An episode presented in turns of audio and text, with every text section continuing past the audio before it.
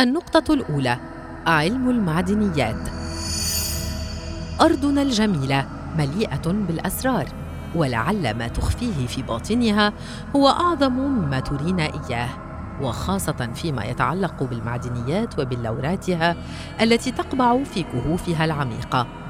تتكون المعدنيات بفعل الطبيعة تحت الظروف المناسبة من الانكباس والحرارة دون أي تدخل بشري، كما بفعل الزمن وتتكتل بلوراتها لتؤلف الصخور التي تشكل القشرة الأرضية.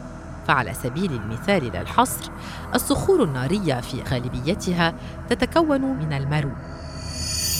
تشكل المعدنيات بغالبيتها الركازات التي ترتدي أهمية في حياة الإنسان.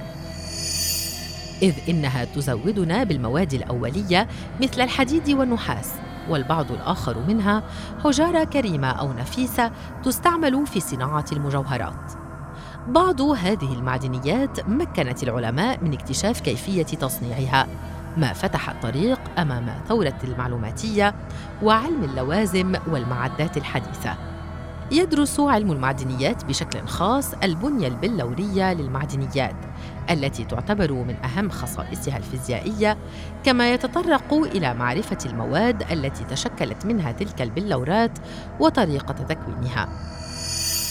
والبلورة جسم صلب متجانس له تركيب كيميائي محدد وبتوزيع معين للذرات تحده من الخارج أسطح مستوية طبيعية تسمى أوجه البلورة. إنها حالات نادرة تلك التي يتم الحصول فيها على بلورات جسيمة مكتملة التشكل.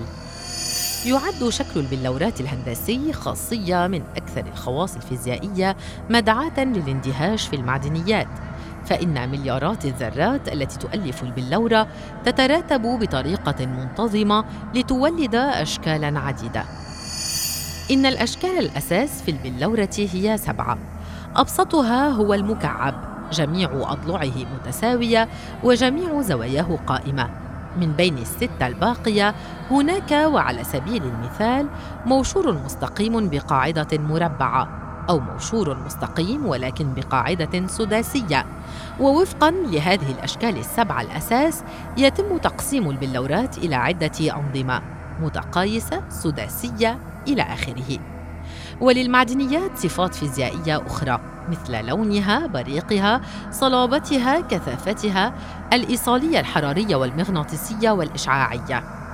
وبناء على كل هذا فإن علم البلورات والمعدنيات يعتبر من أهم الاختصاصات العلمية بسبب ما يلعبه من دور كبير في تصييغ وتصيير هذه المعادن والبلورات لخدمتنا. فلا يكاد هناك أي جهاز إلكتروني أو ميكانيكي إلا ويحوي على إحدى هذه البلورات. ولهذا فإن متحف ميم للمعدنيات يقوم بجمع المعدنيات على كافة أشكالها حتى المشعة منها ليتمكن زواره من التعرف على الأشكال الهندسية بشكلها الطبيعي الخالص ويتعرفوا أكثر على ما يميز كل قطعة منها.